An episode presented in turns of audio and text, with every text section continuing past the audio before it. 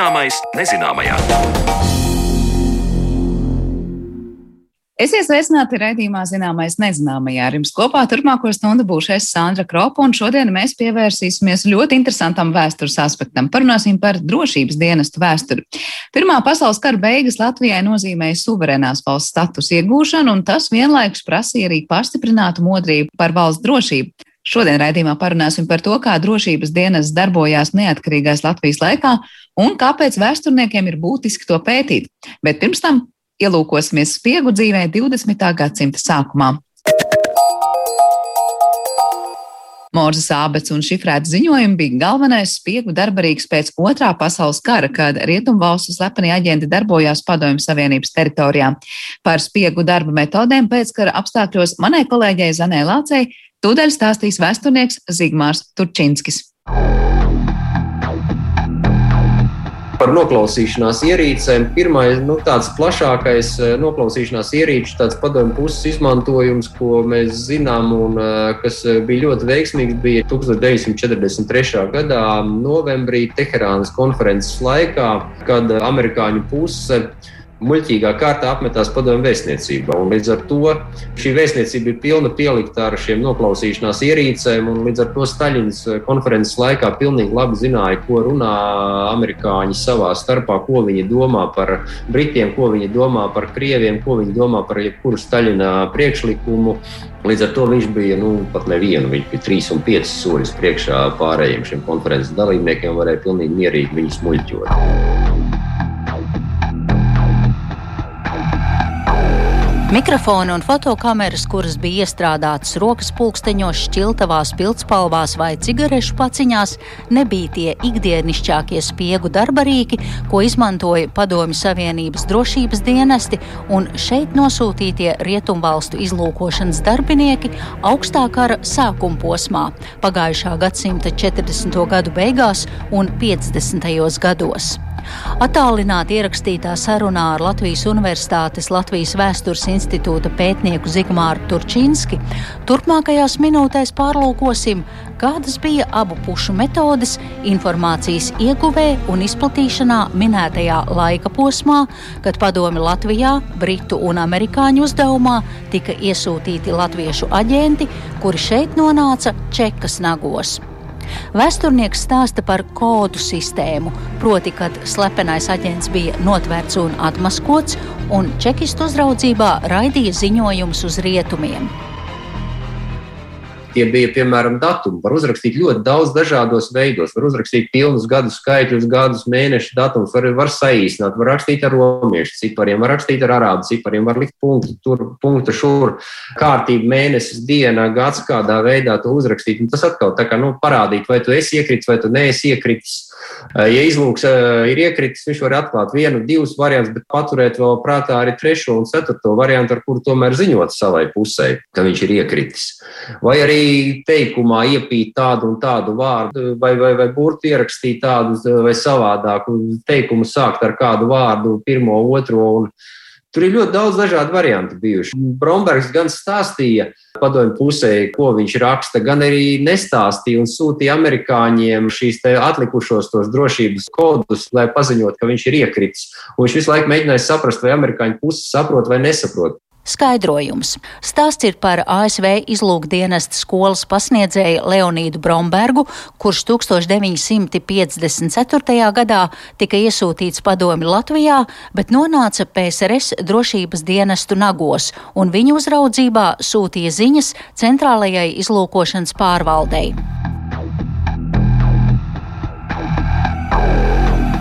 Vai ir ziņas par PSRS un Rietumvalstu aģentiem, vai notika arī aktieru meistarības apmācība, emociju analīze un iejušanās citas personas lomā? Un te es atsaucos Zigmāru uz jūsu rakstīto 2017. gadā portālā LSM par Leonīda Bromberga notveršanu pie Čakstas pieminekļa, kur jūs rakstāt, ka Brombergam vajadzēja satikties ar citu aģentu meža kapos pie pie Jāņa Čakstas pieminekļa, un ka tur čekisti ir izspēlējuši veselu teātri, bērs ar īstu nelaiķi, mācītāju raudošajiem piederīgiem un milzīgu izvadītāju pūli, kurā bija iefiltrējies padomju drošības dienestu aģents.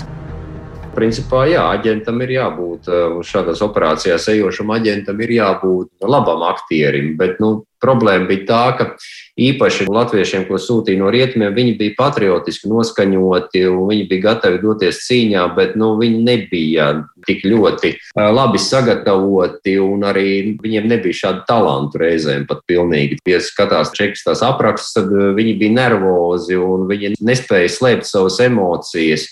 Savukārt, nu, Čekai no otras puses šeit bija nu, neierobežoti resursi sameklēt nu, tiešām labus aģentus, īpaši talantīgus neliešus. Piemēram, Staņislavs Kreits, aģents Lists, Viņš bija pēc tautības polis, viņš bija spēlējis poļu amatieru teātrī, viņš bija ļoti ticīgs, viņš regulāri gāja katoļu baznīcā un vienlaikus viņš kā padomju aģents katoļu baznīcā spiegoja un izvilka no tobrīd arhibīskapa Springoviča viltus rekomendācijas vēstuli, lai viņš varētu nonākt rietumos, padomju izlūgt dienestu uzdevumā. Tā kā, nu, tādi bija jā, tiešām šādi veiksmīgi nelieši un, un, un, un spējīgi aktieri. Bet, diemžēl, tie pārsvarā bija no padomju puses. Sakiet, ja kāds bija dubultaģents, kā varēja noteikt, kurā brīdī un kuras valsts labā viņš darbojas? Tās valsts labā, kur varēja izdarīt lielāku spiedienu uz aģentu un piespiest viņu strādāt savā labā. Un, diemžēl šajā ziņā neierobežotāki resursi tiem aģentiem, kas bija atnākuši uz šejieni, eh, protams, bija padomu izlūku dienestiem, un ja viņi paņēma ciet eh, aģentu, tad viņi varēja izmantot visas fantastiskākās un laikietilpīgākās un cilvēku resursu pietilpīgākās eh, metodes, lai šos cilvēkus kontrolētu un pārbaudītu un Piemēram, tas pats, lai Leonīdu Brombergu sagūstītu, varēja meža kapos Rīgā uztaisīt veselu teātri, kur satikšanās vietai garām iet īsta bēru ceremonija ar mācītāju un nelaiķi, kur vidū ir iefiltrējies padomju aģents, lai viņš novērotu Brombergu satikšanās vietā. Un, piemēram, lai pārbaudītu, vai Brombergs bēgs vai nebēgs, 55. gada vasarā Kandavas pusē Pilnīgi visi Kandavas un apriņķa apkārtnes iedzīvotāji, ļoti liels apkārtnes, tika savērvēti padomu izlūku dienestu uzdevumu veikšanai. Viņiem tika pastāstīts, ka šajā apkārtnē ir izbēdzis un slēpjas īpaši bīstams krimināla noziedznieks, un līdz ar to ir jāziņo par jebkuru svešu cilvēku parādīšanās apkārtnē. Un viņi palaida Brombergu šajā apkārtnē. Un viņš tiešām nevarēja nekur aiziet. Jebkurā mājā, kurā viņš iegāja, jebkuru cilvēku, kur viņš satikās, tas pēc tam skrēja ziņot uz miliciju.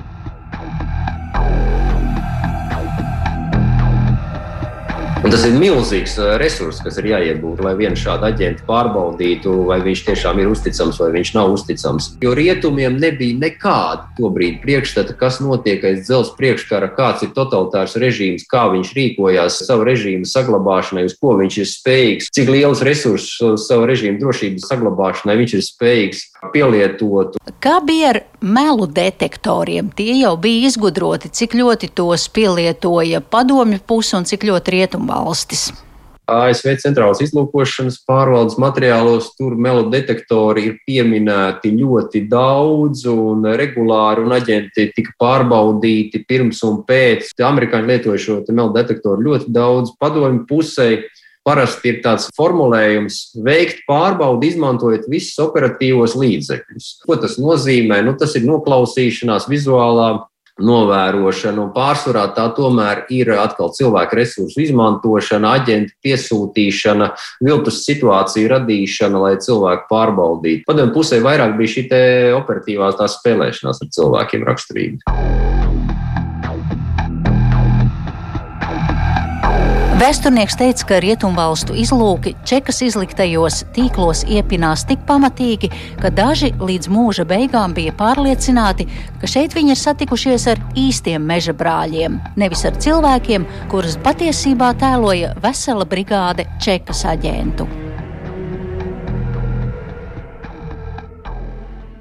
Kā notika ziņojuma informācijas ieguva un pārraidīšana un ar kādām metodēm tika ķerti rietumvalstu aģenti bijušajā padomju savienībā pēc otrā pasaules kara, stāstīja vēsturnieks Latvijas Universitātes Latvijas vēstures institūta pētnieks Zigmārs Turčīnskis, bet raidījuma turpinājumā pievēršamies drošības dienestu vēsturei starpkara periodā.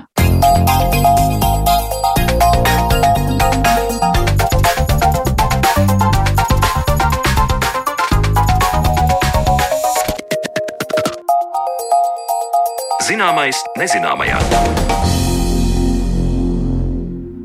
Līdz ar Latvijas valsts rašanos tapa arī drošības dienas, kura uzdevums bija rūpēties par valsts drošību, īpaši tik saspringtā vēstures posmā, kāds tas bija Pirmajam pasaules karam beidzoties.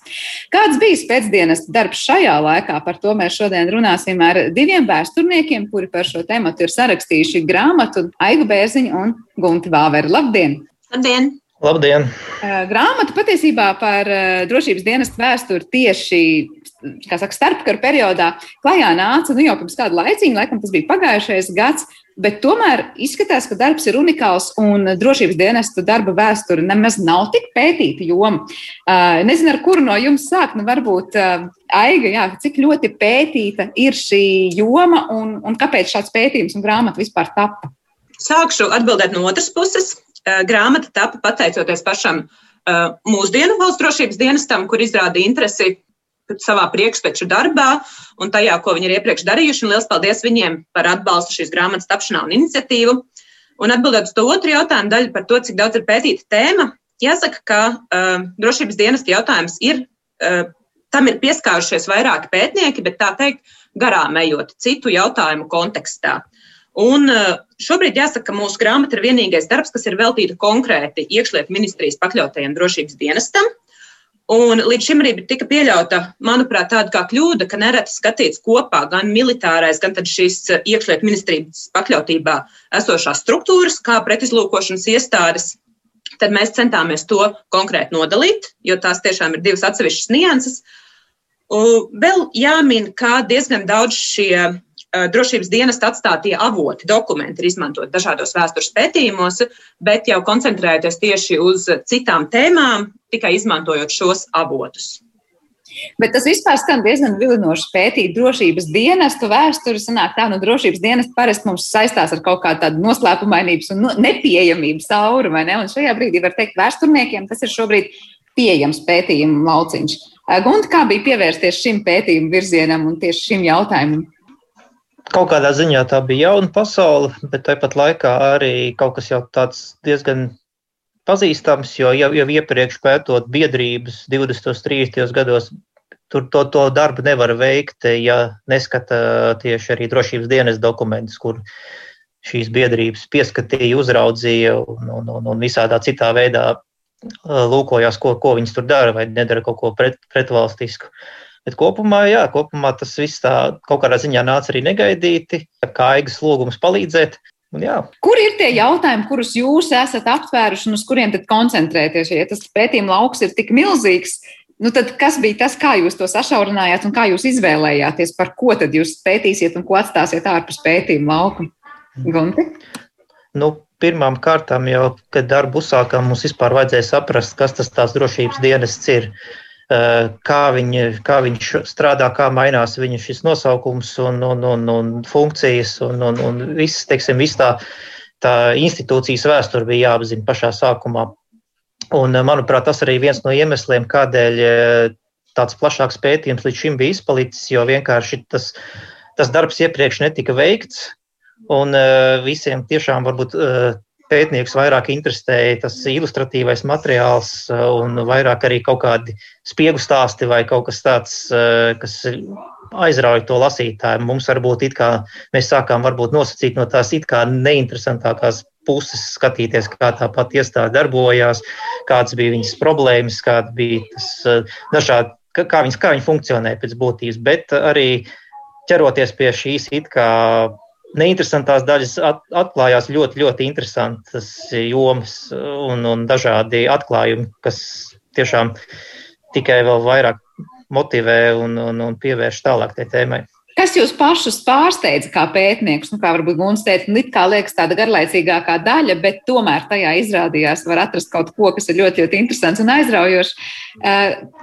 Uh, kura tieši jautājuma varbūt daļa bija tā, kas jums likās kā vēsturniekiem pārsteidzoša? Um, jāsaka, ka man darbs pie visa, visa šī projekta bija ļoti labiem izaicinājumiem pilns, un, un es katru dienu arhīvu dokumentos atklāju kaut ko tādu, kas man izraisīja gan sašutumu, gan smaidu sejā ar šiem dokumentiem strādājot. Un eh, ir grūti izdalīt kādu konkrētu daļu.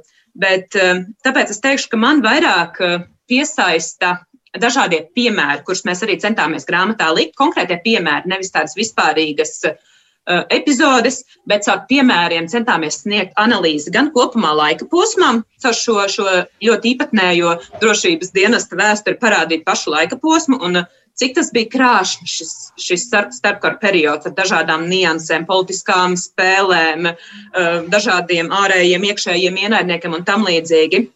Kā arī mēs ļoti centāmies neizvairīties no tādām kutelīgām tēmām, kā piemēram pārkāpumiem pašdrošības dienas iekšienē, par to, tādu kutelīgu jautājumu kā pašu vārdarbību no drošības dienas darbinieku puses, ko ļoti propagandēja komunisti gan pašā starpkara posmā, gan vēlāk okupācijas laikā, mēģinot par Latviju radīt tādu negatīvu tēlu. Un dažādiem šādiem jautājumiem, kurus mēs ar Gunti apzināti centāmies celt augšā, un cik mums dokumenti ļāva tos analizēt un parādīt pēc iespējas objektīvāk. Tas, ko tu teici par to darbinieku vardarbību, tad tas ir attiecībā pret cilvēkiem, pret kuriem viņi mēģināja, par, no kuriem viņi mēģināja iegūt kaut kādu informāciju, vai pret pašiem darbiniekiem drošības dienestu? Tas ir pret pārsvarā aizturētiem personām, personām, kuras turēja aizdomās, bet es šeit negribu maldināt klausītājus un radīt tādu iespēju, ka viss notika tādā vardarbības ēnā. Mani secinājumi līdz šim ir, ka pārsvarā tā tomēr ir komunistu propaganda, kas tad šo uh, Latvijas eh, drošības dienas centās saistīt pirmkārt jā, ar uh, impērijas laikā pastāvējušo tā saucamo Franku, kurai tad bija šis negatīvais, uh, negatīvais veidos, gan skatoties gan uz 5. gada revolūciju, kad tad latviešu revolucionāri tika likti cietumā, piekaut un tam līdzīgi. Uh, gan vispār mēģināja radīt tādu policijasku priekšstatu par valsti. Tajā pašā laikā jāatzīst, ka dažas norādes par šādiem vardarbības gadījumiem ir atrastas. Visas kuras līdz šim man izdevās atrast, esmu aprakst, esam aprakstījuši arī grāmatā. Bet tas vairāk būtu attiecināms uz 20. gadu sākumu un pašu pēckaru laiku, kad ir jāņem vērā šī laika posma specifika, kad uh, gan tie jaunie vīrieši, kas iestājās dienestā, ir šo kara un vardarbības pieredzi, uh, gan šis komunists tīkls, komunists minu tāpēc, ka tie ir tie aktīvākie uh, pretinieki drošības dienestam šajā laikā un, un kas, kas par ko visvairāk arī ir jārunā. Viņi ir ļoti aktīvi, un tad eh, tiešām dažas norādes par vardarbību ir, bet tajā pašā laikā par tādu sistemātisku vardarbību un to, kā tā tiek rādīta propagandā, komunisti mēs nevaram runāt. Tā kā viens no mītiem, kas izteikti izgaismojas, varbūt pat tiek šķetināts, eh, Gunti, varbūt kādi pārsteigumi pašam kā pētniekam, un varbūt arī kāds mīts izšķetināts. No pārsteigumiem eh, vairāk būtu jāmin tas, cik, cik, ļoti viņiem, cik ļoti daudz viņi e, zināja par dažādiem e, gan pretvalstiski noskaņotiem personāžiem, gan arī par sabiedrību kopumā.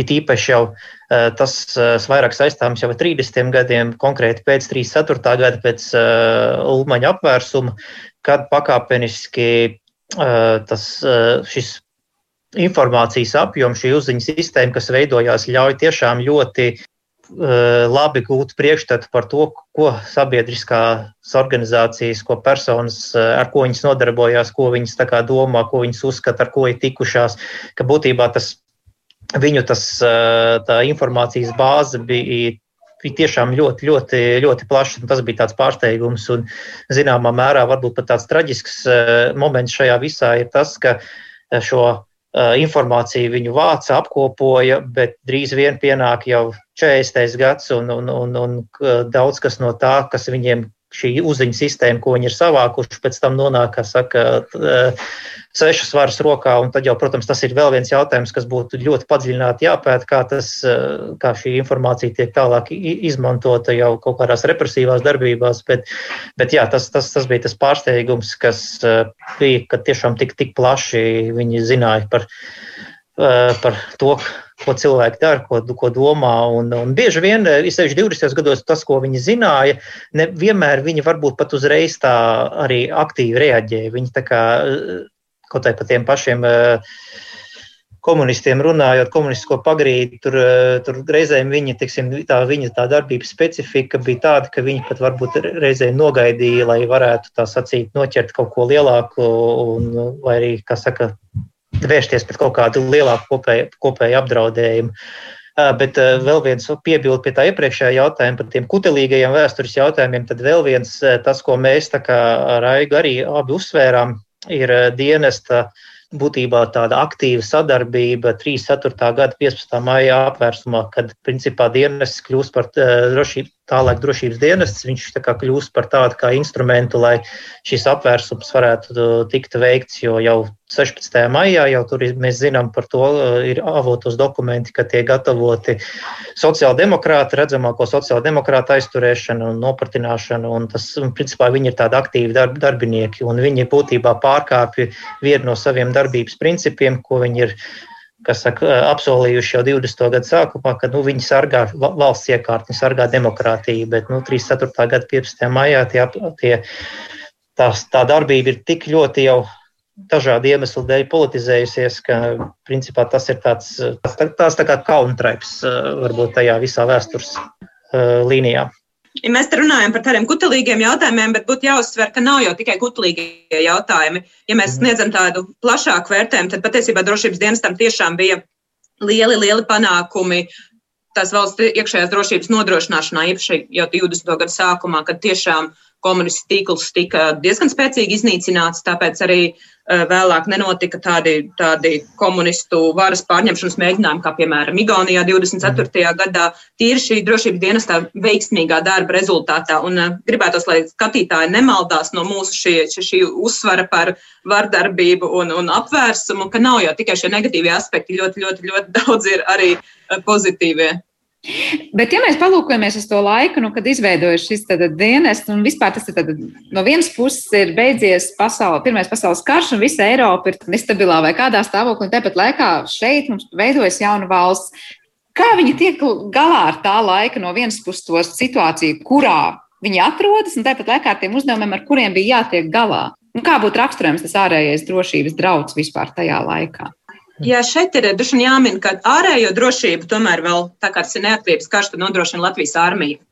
Tas dienas uzdevums tomēr ir rūpēties par to iekšējo drošību, kas ir vairāk jau uh, dažādi iekšēji ienaidnieki, piemēram, Bermuda atbalstītāji uh, vai bijušie Bermuda atbalstītāji, uh, te paši komunisti, kas darbojās jau šai pusfrontē, nevis uh, viņu pusi. Un, uh, tieši tā ir jāsver, ka šī ir jauna valsts. Veidojās ne jau tikai dienas, bet veidojās arī tikai iekšlietu ministrija un administratīvais departaments, kura pakļautībā tā darbojas. Un ir visai liels haoss. Tajā pašā laikā jāuzsver zināma veida profesionalitāte, ar kādu tad šie pirmie darbinieki iesaistās darbā. Uh, jo tiešām tiek izvērsta plaša darbība. Jau sākot ar 19. gadu tiek veidot mēģinājumi aptvert plašu Latvijas teritoriju, ne tikai Rīgu, lai gan Rīga ir tas vadošais centrs. To gan krietni vai, traucē sākotnēji šie, šīs institucionālās izmaiņas, jo tiek mainītas pašas iestādes, to nosaukumu vadītāji. Vienu brīdi šīs drošības dienas principā tiek likvidēts un darbojas tikai atsevišķa nodaļa Rīgas krimināla policijas sastāvā. Un tad par tādu stabilāku laiku mēs varam runāt tikai no 20. gada, kad tiek izveidota politiskā apsardzība, apsardzība Valdemāra Alpa vadībā. Tajā pašā laikā jāuzsver, ir, kas vispār ir raksturīgs šim sākuma posmam, ne tikai drošības dienestam, bet dažādām drošības struktūrām, ka bieži vien personas tiek aizturētas un turētas aizdomā tikai uz tādas denunciācijas vai aizdomu pamata, bez tādas īstas likumība, likumīgās bāzes, ko tad nosaka viss šis vēl kara laiks. Bet eh, jau 20. gada pirmajā pusē mēs varam runāt par to, ka tas palēnām pazuda un tiešām darbība tiek strikti dokumentēta, tiek eh, vadīta. Eh, dienas darbinieki vadās pēc striktām norādēm, kā kas būtu jādara. Ja kādas kratīšanas, izmeklēšanas tam līdzīgi notiek tikai ar attiecīgiem protokoliem, un kad tas tā nenotiek, tad šīs, tas tiek uzskatīts par dienas pārkāpumu, tiek izmeklēti. Kas arī noteikti ir lielā mērā pašas vadības nopelns, jo darbinieku sastāvs ir visai krāšņs un tur notiek dažādi pārkāpumi un nevienmēr sākuma posmā tos izdodas novērst. Jā, par darbiniekiem noteikti gribu arī pavaicāt, bet vai Guntim vēl bija kaut kas piebilstams pie tā, ko Aiga tikko stāstīja?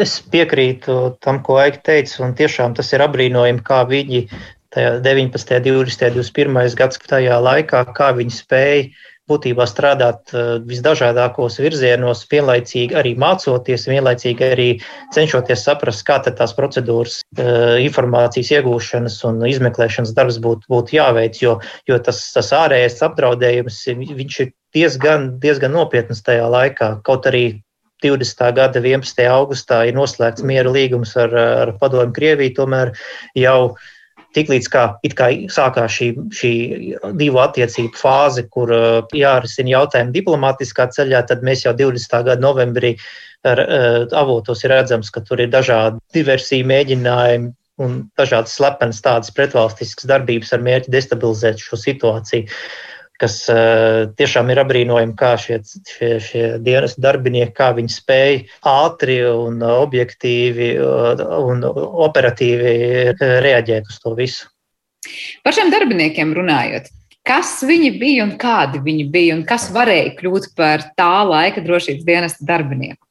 Ehm, jāsaka, sākotnēji tas personāla sastāvs ehm, komplektējās lielā mērā no bijušiem žandarmērijas, kā arī armijas darbiniekiem, protams, ar cilvēku ar militāru pieredzi un tam līdzīgi. Ehm, nereti sastāvā nokļuva arī cilvēki ar, kā lai saka, ne, nevis apšaubāmiem motīviem, bet uh, bet ar eh, apšaubāmām darba metodēm, kur bija piedzīvojuši šo, šo, šo kāru, kur ir, piemēram, 20. gada sākumā ļoti liels pārkāpums, ļoti bieži sastopams pārkāpums ir tas, ka darbinieki lieto alkoholu. Arī darba laikā uzvedās nepieklājīgi un tam līdzīgi. Tas ir saistāms ar visām šām kara sekām. Un, eh, Iesaka, darbiniekiem bija nepieciešams atsauksmes no citiem cilvēkiem, lai viņi tiktu uzņemti dienestā, bet tāpat to visu nevarēja izskaust. Tomēr vadība darbojās, lai tad šis personāla sastāvs uzlabotos un kļūtu aizvien labāks. Un, tur ir jāskatās no dažādiem aspektiem, jo, jo darbs drošības dienestā visu laiku prasīja atrašanos pastāvīgā, fiziskā un vēl jau vairāk morālā, morāli saspringtā stāvoklī. Tāpēc tiem darbiniekiem teorētiski tika izvirzītas ļoti, ļoti augstas prasības, gan morālā noturība, gan tīra kriminālā pagātne, gan tam līdzīgi. Bet praksē īpaši sākuma posmā apstākļi bija tādi, kā bija. Lielākā daļa vīriešu atradās armijā, un darbinieku sastāvu komplektēja bieži vien no tā, kas tad bija iegūstams un kas tad izteica šo vēlmi. Nevēl tajā uzsvērt, teorētiski un praktiski, tad sākotnēji vismaz tās bija kā, nu, divas dažādas nošķiramas uh, lietas. Uh, Gunti, kā viņi nodrošināja, ka viņi uztur droši vien kaut kādā slepenībā arī to, kas viņi ir, kur viņi strādā, kā viņi strādā. Kā tas tika nodrošināts un kādas instrukcijas bija tam, lai, lai kā saka, citi nezinātu, kurš ir drošības dienas darbinieks? Nu jā, bija prasība ievērot tā saucamo konspirāciju, kā arī tur ir no tām instrukcijām, kas gan laikam top trusiņi vēlāk, 20. gadu pirmā pusē, tad ir redzams šīs prasības, kā jau, kā jau vajag pieminēja, bet arī kā viena no šīm prasībām ir šī prasme ieturēt šo konspirāciju, tāpat arī ne, ne, neuzvesties āršķirīgi. Ļoti interesanti ir, ka drošības dienestam bija arī savas šīs nozīmītas, kā žetoni, ko kā pazīšanās, kā identifikācijas simbols. Tur ir arī vesela instrukcija, kā viņš būtu jānēsā, kad viņš būtu jārāda un pie kādiem apstākļiem kā, varbūt tomēr nē.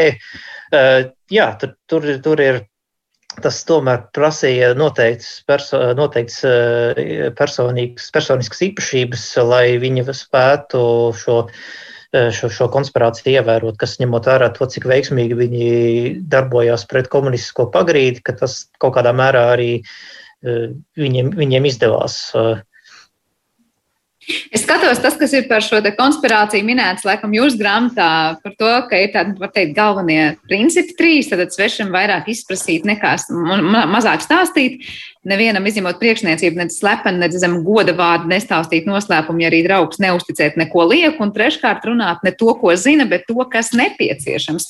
Patiesībā nu, tādi ļoti, ļoti konkrēti punkti, kas, es nezinu, es iedomājos, cik ilgi cilvēks var izturēt eh, normāli, dzīvot tā, ka visās savās ikdienas gaitās, ja var teikt, sevi bija jāpieskata Kā tikai nepateikt kādu lieku vārdu, neticēt pilnīgi nevienam, nestāstīt pilnīgi neko. Aiga, varbūt tev kāds komentārs par to, kā šie konspirācijas principi strādā un ko tas prasīja reāli no cilvēkiem, un ko tas prasa no cilvēkiem arī mūsdienās.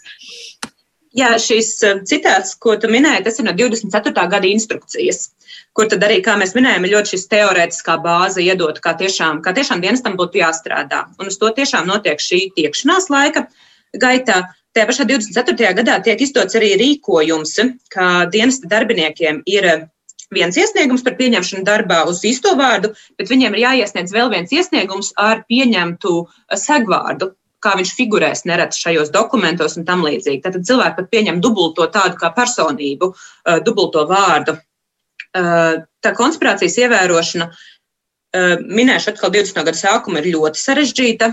Jo darbojoties kādā konkrētā vietā, protams, īpaši mazākā vietā, ļoti ātri cilvēki nojauš, kas tu esi. Piemēram, 20. gada sākumā um, punktu pie Rēzeknas karantīnas vadītājs Otto Ivansons tā arī raksta centram Rīgā, ka visi mani darbinieki ir zināmi, viņiem ir bail iet uz, uz Rēzeknas centru, jo viņi tur tiks, nezinu, pakļauti verbālai un fiziskai agresijai. Uh, īpaši ņemot vērā, ka viņu pašu nodrošinājums ir ļoti niecīgs sākumā un viņi nespēja sevi aizsargāt. Uh, laikam ejot, protams, tas mainās, tiek izvirzīta lielākas šīs prasības darbiniekiem, un viņiem arī kļūst lielākas šīs spējas uzturēt šo konspirāciju. Tajā pašā laikā ir gan tā sauktie iekšējie darbinieki, gan ārējie. Respektīvi, eh, tie, kur darbojas atklāti, kā pati vadība, eh, visiem Latvijā ir zināmi, kas tad ir šie drošības dienas vadītāji, viņu vārdi, jo viņas ir, viņi ir publisks personas, aktīvi redzams. Un tad ir šie ārējie, eh, šie, šie, šie darbinieki, slepenie darbinieki, kā arī, kas ir nemazāk svarīgi, tiek piesaistīts ļoti plašs aģentu, jeb tā saukto slepeno ziņotāju lokus, kuri arī darbojas slepeni, konspiratīvi. Tie cilvēki, kuri Dažs labs iesniegs tikai vienreiz kādu ziņojumu par sevi redzēto, dzirdēto, bet to starpā būs arī cilvēki, kuri gadiem ilgi aktīvi darbosies drošības dienas labā, kurus konspiratīvi iesūtīs dažādos nelegālos formējumos, gan komunistu, gan naci, nu, labēji galējos grupējumos un tam līdzīgi, lai ievāktu informāciju. Un tiem cilvēkiem arī ir vieta Latvijas vēsturē. Viņi arī noteikti ir jāmin, jo viņi ļoti aktīvi sadarbojas. Latvijas valsts vēstures arhīvā ir saglabājušās vairāk nekā tūkstoši personāla lietas par šādiem slepeniem ziņotājiem. Protams, ar pieņemtiem segvērtiem mēs viņus nespējam identificēt ar konkrētām personām sasaistīt, bet jāņem vērā, ka vēl vairāk šādas lietas tika noteikti 40. gadā iznīcināts un vēl vēlāk ir gājušas bojā. Tātad šie slepenie aģenti bija krietni, krietni vairāk. Bet ir kaut kāda ziņas, kas bija tie, kuri kļuva par šiem ziņotājiem. Viņi bija kā īpaši vervējami un sarunājami, vai patiesībā cilvēki bija atsaucīgi, nu, salīdzinoši tā var teikt, kļūt par tādiem ziņotājiem. Un es nezinu, kādu motīvu, kurš nu vadīts, tas tīkls bija plašs un tur, kā saka, īpaši bija, nu, nebija jāuzrunā cilvēku. Nu, tas atkarīgs e, droši vien ir no, no, no konkrētā gadījuma. Bija, bija personas, kuras varbūt kļuvu par ziņotājiem tajā mirklī, kad viņiem pašiem sāka, sāka tā sacīt, ūdens smelties mutē, un paši varbūt tika pieķerti kaut kādās uh, nelegālās darbībās, un līdz ar to tā bija tāda kā viņu iespēja izbēgt no, no, no, no sodāmības un, un, un turpināt uh, darboties, bet šoreiz jau valsts drošības interesēs. Uh, vai arī uh, Tiksim, bija dažādi gadījumi, kad arī, kāpēc ļoti svarīgi dienas darbiniekiem, viņiem bija arī viņiem bija novērot eh, un, kā saka, pie, piefiksēt jebkuru eh, noderīgu, noderīgu informāciju, kas varbūt vēlāk varētu ļaut arī konkrēto personu piesaistīt uh, ziņošanai. Tiksim, ir viens piemērs, ko mēs grāmatā nepieminējām, bet uh, par, kad uh, drošības dienas viņiem ir informācija, ka padomju diplomātiskās pārstāvniecības darbinieks Rīgā, telegrāfists, viņš šī privātajā sarakstē ar, ar tuviniekiem Maskavā, viņš tā kā nu, pauž to, nu, to noskaņojumu, ka viņam viss ir apnicis šeit un, un, un kad nu, garlaicīgi ir un, un kad viņš zina, ka viņi drīz komandēs apakaļ un kad mēs varam redzēt, ka pie tās tā, tā kā šīs sarunas tā kā noraksta atstāsta ir tāda atzīme no drošības dienesta puses, ka, nu, ņemt zināšanai un izskatīt, varbūt iespējams, ka viņš varētu būt, mēs viņu varētu šo cilvēku izmantot noteiktas informācijas ievākšanai. Nu, diemžēl nekas tālāk tajos dokumentos nav teikts par šo konkrēto gadījumu, vai tas izdevās, bet, nu, bet tā kā jā, tur, tur dažādākie iemesli, kādēļ cilvēki kļūst par šiem, šiem, šiem ziņotājiem. Dažkārt viņi pat paši rakstīja uz drošības dienestu ar kā saka, uzskatot, ka tas ir viņu pienākums ziņot par kaut kādiem noteiktiem eh, gadījumiem, eh, kas eh, it kā apdraud valsts drošību. Taču tāpat laikā arī vēl ir maza piebilde, ka nereti gadījās, ka šādi ziņojumi, kas tika iesūtīti, protams, drošības dienests bija pietiekami profesionāls un viņi izvērtēja šo ziņojumu saturu, vai tā nav kaut kāda apzināta provokācija, vai, vai, vai, vai arī kāds, kāds kas saka, tāds izmests āķis, kur viņi varētu uzķerties. Un, un šad un tad tiešām var redzēt, ka viņi izmeklē, ievāc ziņas par šo konkrēto ziņotāju, kurš tā kā nu, saka, ka es tagad jums ziņošu par to, kas notiek kaut kur citur, kā, kādā provinces ciematā. Un tad, protams, pirms viņi ar viņu saistās, viņi pārbauda, vai, vai tiešām tas nav kaut kāds gadījums, kad uh, varbūt ir gluži pretēji nodomu šim cilvēkam, nevis ziņot par drošības eh, apdraudējumu, bet varbūt pat saka, piedalīties kaut kāda apdraudējuma provocēšanā. Jā, tad droši vien daudz varētu runāt par tiem dažādiem gadījumiem, ko jūs droši vien ejot caur šiem dokumentiem esat atraduši. Un tā patiesībā tiešām ir tāda dzīva vēsture, kur skatīties, par ko cilvēki ir ziņojuši, kāpēc ziņojuši un kāpēc piekrituši to darīt. Bet noslēdzot šo jā, sarunu, kā jūs iegūstat šos datus, kas ir jūsu rīcībā, kad jūs veicāt šo pētījumu? Tad, kad jūs runājat par tiešām tik detalizētām lietām, kur liekas, jūs klāt stāvējuši laikā pirms nu, jau simts gadiem. Tie, tie avoti ir visdažādākie, tur sākot no ziņojumiem, ko sastāda dienesta priekšnieks iekšlietu ministram vai arī nu, attiecīgi zemāks pakļautības vadītājs iesastāda dienesta priekšniekam. Ir arī konkrēti, konkrētu šo aģentu, jeb uzraugu dienesta darbinieku ziņojumi par noteiktu laiku, ko viņi ir, kā, kur viņi ir veikuši attiecīgos pienākumus, un tur viņi arī min šīs, šos piemērus, šīs detalizētās lietas, kas mums arī ļauj kas saka, bagātināt darbu ar citātiem, bet tā, tas avotu plašums ir visdažādākais. Tur ir gan dažādas tur darbības schēmas, gan, gan, gan lietiskie pierādījumi, gan fotografijas. Tur, tur, tur, tur, tur viss kaut kas tāds -. Darba netrūkst, jā. Aiga, man tev noslēdzošais jautājums, ja gribi vēl piebilst, protams, par šiem avotiem, bet kopumā klausoties jūsos, liekas, protams, ir interesanti klausīties un iztēloties, kas notika to laiku, kas bija tie cilvēki, kas par ko stāstīja un ko stāstīja. Bet ko mēs kopumā iegūstam no šāda veida pētījuma, izņemot to, ka tas ir interesanti? Ja mēs palūkojamies uz to drošības dienestu, nu jau var teikt, diezgan tālā pagātnē, tās nav vairs gluži mūsdienas, par kurām mēs runājam, un tomēr kāpēc ir aktuāli 21. gadsimta cilvēkam? Jāsaka jau, ka mūsdienās arī mēs redzam, ka aizvien aktuālāks paliek jautājums par iekšējo drošību. Mēs ļoti aktualizējam jautājumu par policistu algām, nes, nesenā pagātnē par robežsardzi un tam līdzīgi arī drošības dienests ir viennozīmīgi nozīmīga iekšējās drošības sastāvdaļa. Un, kā mēs ar Guntu secinām, eh, valsts nevar pastāvēt bez šāda dienesta, demokrātiska valsts, kas tad monitorētu šos galvenos apdraudējumus, kas nodarbotos ar eh, dažādu draudu prevenciju galvenokārt.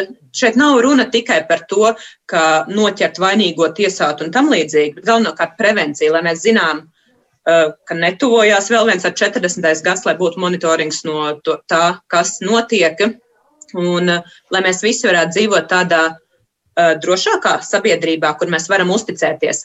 Šeit gan būtu jāizdala nedaudz pēc ulmaņa apvērsuma, kad šis monitorings mūsuprāt kļūst jau pārspīlēts un ka bieži vien jau tādi ienaidnieki tiek atrasti pat tur, kur viņi nav, izpatīkot jau pastāvošam autoritārajam uh, režīmam.